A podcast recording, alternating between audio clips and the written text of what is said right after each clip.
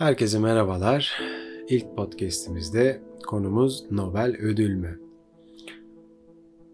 Konuya geçmeden önce çayınızı ve kahvenizi yapmanızı tavsiye ederim. Başlamak gerekirse bazı kaynaklara ulaştıktan sonra bu soru aklıma geldi. Ve Nobel ödülü ödül olmalı mı dedim açıkçası. Detaylara girmek gerekirse Alfred Bernhard Nobel 1833 İsveç doğumlu varlıklı bir aileden geliyor. Babası silah üreticisi, dolayısıyla eğitimini özel öğretmenler eşliğinde alabiliyor. Yetişkinliğinde ilgisinin doğa bilimleri, İngiliz edebiyatı ve şiirleri olduğu söyleniyor. Ayrıyetten 17 yaşına geldiğinde 5 dil konuşabiliyor. Babası tabi bu ilgilerinden e, tam anlamıyla memnun değil. Bizim kültürümüzde de olduğu gibi babasının e, mühendis e, olması gibi bir e, hayali var oğlunun ya da isteği var diyeyim. Bu yönlendirme ile Nobel'in bulunduğu gerçeklik ortamındaki doğal büyüme seleksiyonu bozulmuş oluyor. Yani hayatının gidişatına kendisi değil, ailesi karar vermiş oluyor. Kendi ailesine bu yönde karşı çıkmış olsaydı belki de fakir bir edebiyatçı olarak ölecekti. Fakat durum böyle olmuyor. Bu yönlendirme tabi dünya tarihini kötü şekillendiren bir karar oluyor maalesef. Kimya mühendisliği için babası tarafından yurt dışına gönderilen Nobel, üniversitede nitrogliserin üzerinde çalışmalar yaparken maddenin mucidi Ascanio Sobrero ile tanışıp tecrübe ve birikimlerini arttırıyor. Ardından ülkesine döndüğünde nitrogliserin üzerine çalışmalara devam ediyor. Tabi ilerleyen çalışmalarında da dinamit barutunu keşfediyor. Dinamitin keşfiyle birlikte dünyanın yıkım gücü yüksek oranda katlanıyor. Bu durum tarihte büyük bir kırılmaya sebep oluyor açıkçası.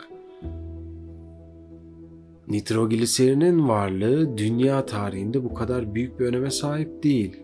Çünkü nitrogliserin hassas bir patlayıcı. Saklanması, taşınması, yerleştirilmesi, elinizi kolunuzu sallayarak rahatça yapabileceğiniz bir şey değil. Tarihte yıkıcı etkisi dinamit kadar hissedilmiyor. Ben bu hususta tabii ki de bugün Nobel ödülünün insanlık için saçma bir organizasyon olduğunu inanıyorum. Çünkü geçmiş ve gelecek dünya tarihine bu denli büyük bir yıkım gücü getirmiş bir kişinin hala günümüzde ödüllerle anılması hoş değil açıkçası.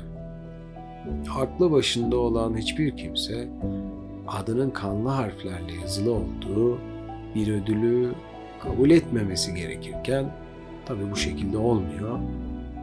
Kendilerini toplumda kabul görmenin verdiği duyguyla insanlar ellerinde tuttukları ödülden gurur duyuyorlar maalesef. Felsefi olarak etik olmadığı ortada aslında. Sonuçta gerçekler belirgin. Ne yaptığınız ve nelere sebep olduğunuz görülebiliyor. Kimse açıkçası bu konuyu irdelemiyor. Neden bu adı hala anıyoruz açıkçası cevapsız bir yanıt olarak kalıyor. Yer alan kaynaklarda yapmış olduğu icadın rahatsızlığından ve pişmanlığından olsa gerek tüm mirasını Nobel ödüllerinin enstitüleştirilmesiyle insanlığa hizmette bulunanlara sunulmasını vasiyet ediyor. Her vasiyet kabul olmuş olsaydı bu dünyada sanırım cennette yaşıyor olurduk. Fakat unutmamamız gereken bir nokta var ki o da Nobel gibi vasiyetinizin yanına 33 milyon kron koymanız gerektiği. Son pişmanlık fayda eder mi? Yani siz bu yayını dinleyene kadar ismini aklamış olsa da tarihi değiştirmiyor maalesef. Açıkçası bilim adamları dikkatli olması gerekiyor. Çünkü icadınızın iyilik ve doğruluğa yönelmesi günümüzde düşük bir ihtimal. Bunu yapabilen nadir örneklerden biri Küba bilim adamları. Bulmuş oldukları bazı kanser ilaçlarını 1 dolara satışa sundular. Yanlış bilenler için komünizm ne demeklerin ufak bir açıklaması diyebiliriz.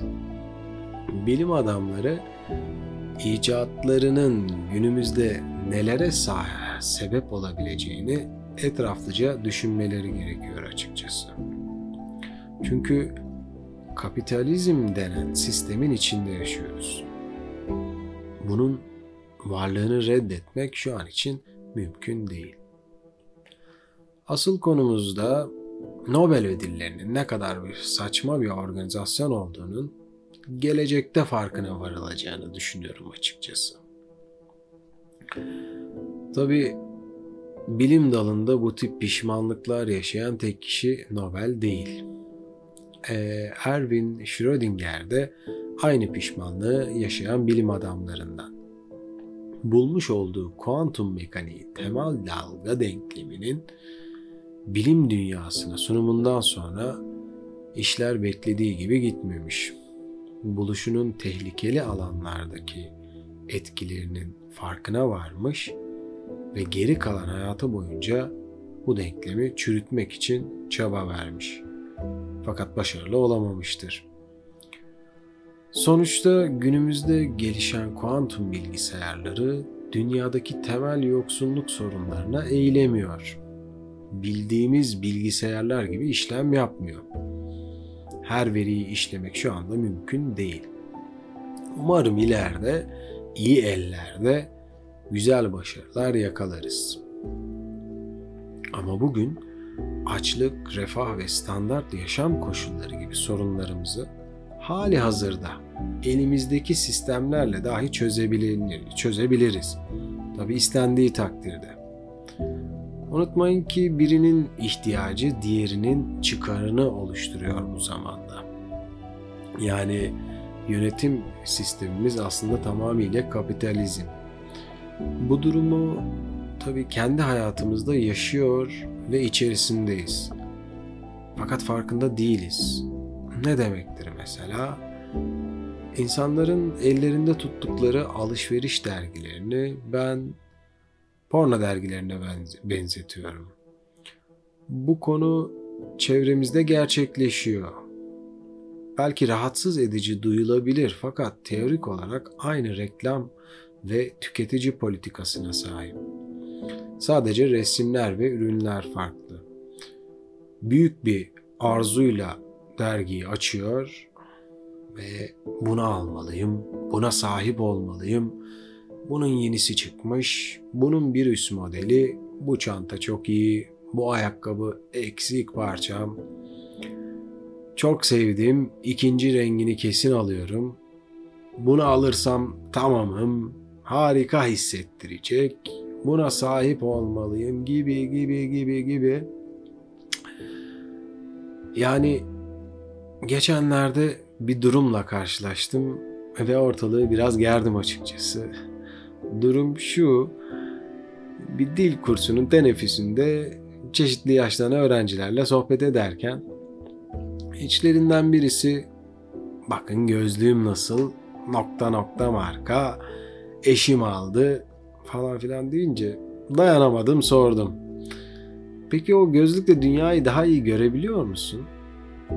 Bir an soru devreleri yakmış olacak ki cevap gelmedi. Ya da ben yanlış telaffuz ettim artık olabilir de. Yanımda bulunan kurs hocası soruyu biraz daha açtı. Ve tabi tsunami dalgası karaya hızla ilerliyordu.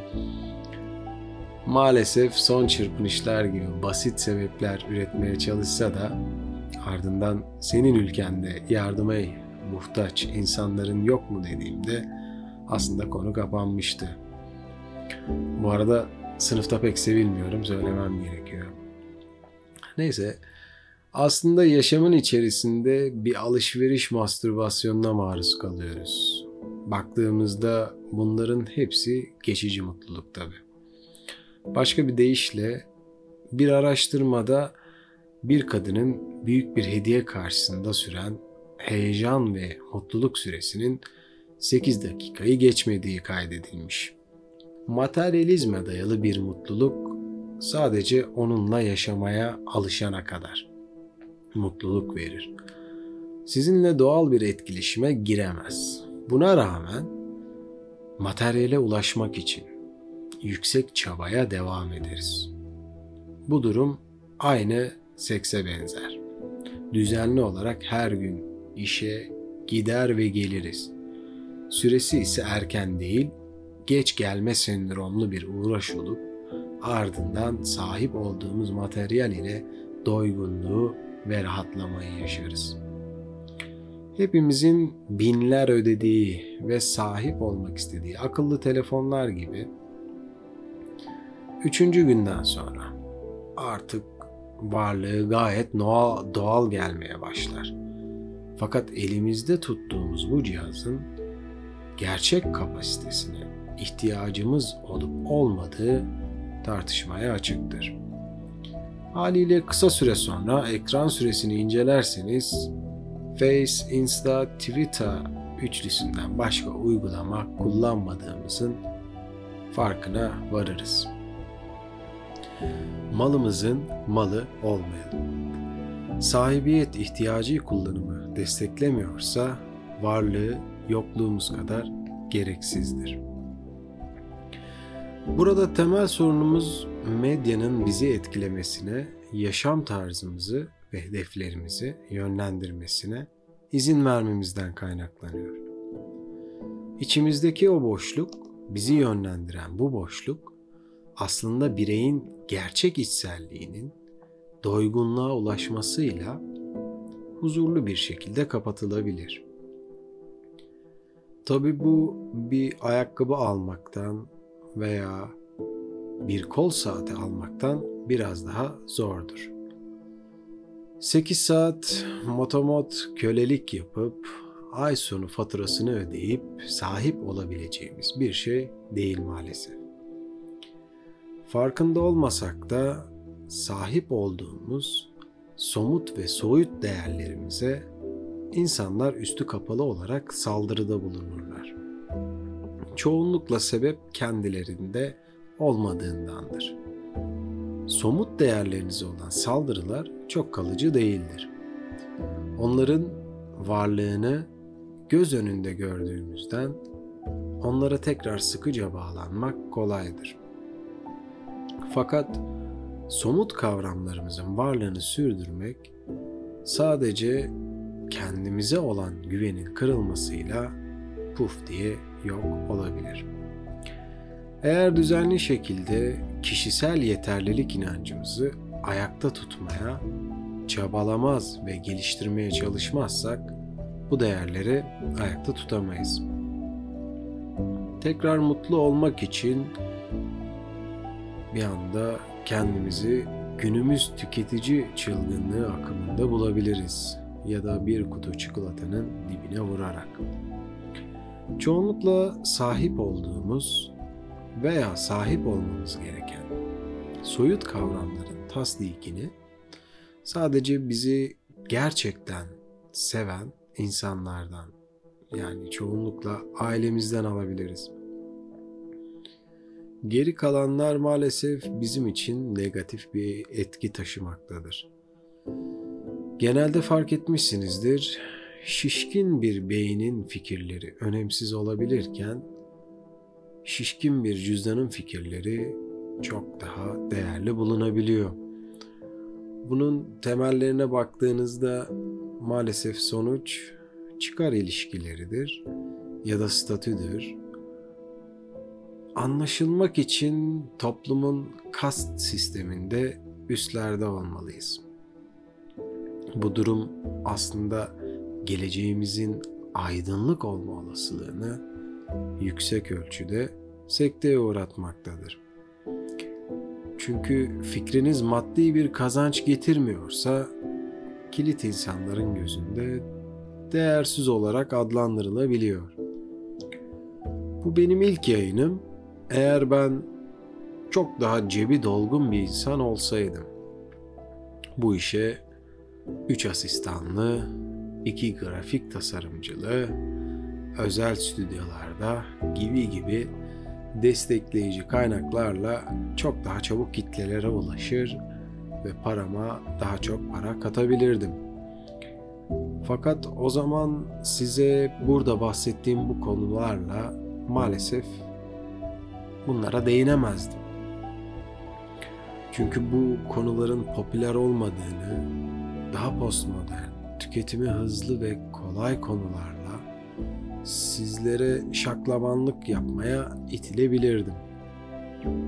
Dolayısıyla trafikte de olduğu gibi sürat tehlikeli bir şey. Hayatta nedenleriniz veya hedeflerinizden doğan adımlarınızın sizin şimdiki varlığınıza sahip olmanızı sağlar. Yarınki hedefleriniz ise uzak gelecekte nasıl olabileceğinizin habercisidir açıkçası. Bazı şeyler doğal olarak başladığında bir ivmesi olur. Bu ivme sizin gerçeklikle bağınızı oluşturur. Saat 1 iken 60 dakika sonra 2 olması doğaldır.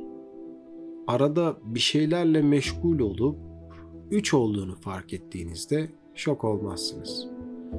Ama saatin 8 olduğunu biri size söylerse o zaman ufak bir şok olabilirsiniz. Ve bunun sürekli olması sağlıklı değildir. Bir süre sonra bu da normalleşirse hayatın sade akışı artık bize zevk vermeyebilir. Dozunu bilmezseniz bettirip zamanı geldiğinde ortaya çıkmaktan kaçınmaz. Çoğu zaman işler beklediğimiz gibi gitmiyor. Bunu maalesef kabul etmesek de hayat acı gerçekleriyle ite kaka zorla kabul ettiriyor. Bazen iyi bir yoldan çıkarılır ve bazen kötü bir yoldan çıkarılarak yol almaya devam ederiz. Çoğu kültürde kader dediğimiz şey aslında bu iki seçeneğin her saniye seçilmesiyle gelecekte iyi veya kötü bir varış noktasına dönüşür. Örneğin Adolf Hitler'in ufak bir nok hayat noktasını ele alabiliriz. Hepimizi ilgilendiren bir noktadır aslında. Geçmişimizi, şimdiyi ve geleceğimizi şekillendirdiği su götürmez bir gerçektir. Çoğu kaynaktan okuduğum kadarıyla Hitler'in iyi bir ressam olduğu ve en büyük hayalinin Viyana Güzel Sanatlar Akademisi'ne kabul edilmek olduğu ve iki kere sınava girdiğini öğrendiğimde ne düşüneceğimi bilemedim açıkçası. Sonuç olarak ise akademiye kabul edilmemişti. Kötü bir ressam mı? Bence hayır. Hata onun resimlerine değer vermeyen, Hitler'in bakış açısının değersiz olduğunu düşünen jürideydi. Hiç mi değeri yoktu gerçekten? E, resimlere baktım ve bakılacak resimleri vardı. Ortada bir Cin Ali çizimi yoktu sonuçta. En önemli hususlardan biri demiyorum. Tek önemli husus eğitim. Ve eğitimin içerisinde kimlerin bize eğitim verdiği asıl mevzu. Çünkü hepimiz biliyoruz ki eğitim hayatımızda egosu tavan yapmış, kendini öğretmen olarak adlandıran, ne olduğu belli olmayan tiplerle çoğumuz boğuştuk. Bazılarımız pes etti, bazılarımız boyun eğdi. Köprüyü geçene kadar değil miydi ayının dayılığı? Bizim kültürümüzü çok sever bu sözü. Bazılarımızın sırtında kambur vardır. Bakıldığında görülmez. Ama belli noktalara gelebilmek için o boyunu eğmek gerekiyor. Onlar kendilerini bilir. Gelelim tekrar Hitler'e.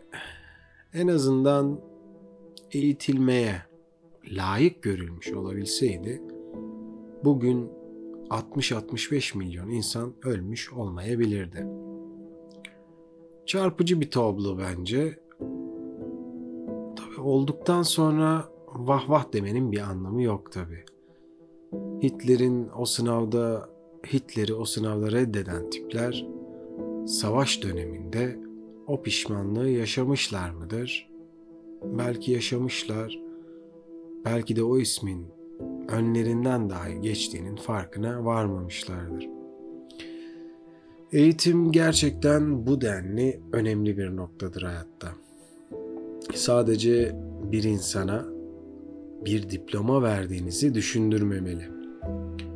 Her bireyin yaşam ortamımıza aslında her canlının yaşam ortamımıza bir etkisi olduğu kaçınılmazdır. Bazıları kelebek etkisi olarak adlandırır bu olguyu fakat hayat gerçekten bu kadar hassastır. Hepimiz çabalarımızla aslında anlaşılmak istiyoruz. Fakat kaçırdığımız önemli bir nokta var. Anlaşılmak için minimum bir kişiye ve iki bakış açısına ihtiyaç var. Olayı basite indirgersek ilk açı karşınızdaki kendini sizinle aynı seviyede görmesi gerekir. Hani sizi daha üstün veya daha alçak demiyorum. Çünkü bu iki durum da sorun teşkil etmesi bakımından yüksektir. Kişi sizi kendine minimum eşit görüyorsa sizin ağzınızdan çıkan cümlelerin anlam bulması için kendini pozitif bir çabayla yorarak fikirlerinize ortak olmaya çaba ve özen gösterebilir. Aslında her koşulda eğer karşınızda bir birey var ise siz zaten aynı gerçekliği paylaşıyorsunuz. Dolayısıyla eşitliğiniz yatsınamaz bir şekilde ortadadır. Cebinizde, elinizde, üzerinizde hangi markaların olduğu sadece hanginizin sistemin çarkında iyi bir dişli olduğunu gösterir. Asıl mevzu içinize hangi fikirleri ve ideolojileri giydiğinizdir. Fakat bu günümüzde maalesef çok değersiz bir düşüncedir. Neyse ikinci açımızda ise çıkar söz konusudur. Kişi eğer sizden çıkar sağlıyor ise aslında nasıl cümle kurduğunuzun hiçbir önemi yoktur. Yani bu böyledir. Karşınızdaki kişi sizin anlamsız gelen cümlelerinizden bir kelime yakalar ve ona anlam yüklemeye çalışır.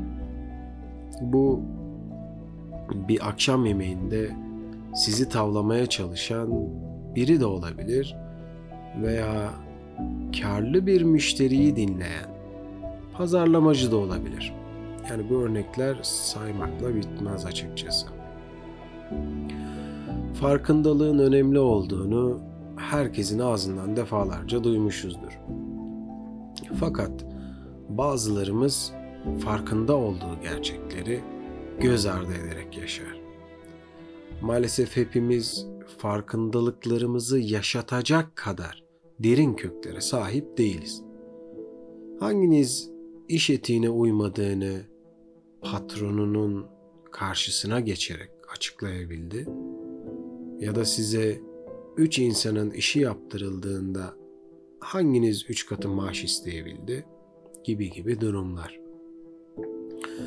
Maalesef bugün bunları aşamadığımız için yarın çok sevdiğimiz ve her şeyden e, kaçındığımız o güzel evlatlarımız bunları bir fiil ve katıyla yaşayacak. Tabii bu kadar karamsar bakmamak gerekiyor olaylara fakat gerçeklerden kaçışın mümkün olmadığı da bir gerçek. Umarım bu sohbetimden keyif almışsınızdır. Çabam düşünmek ve düşündürmek.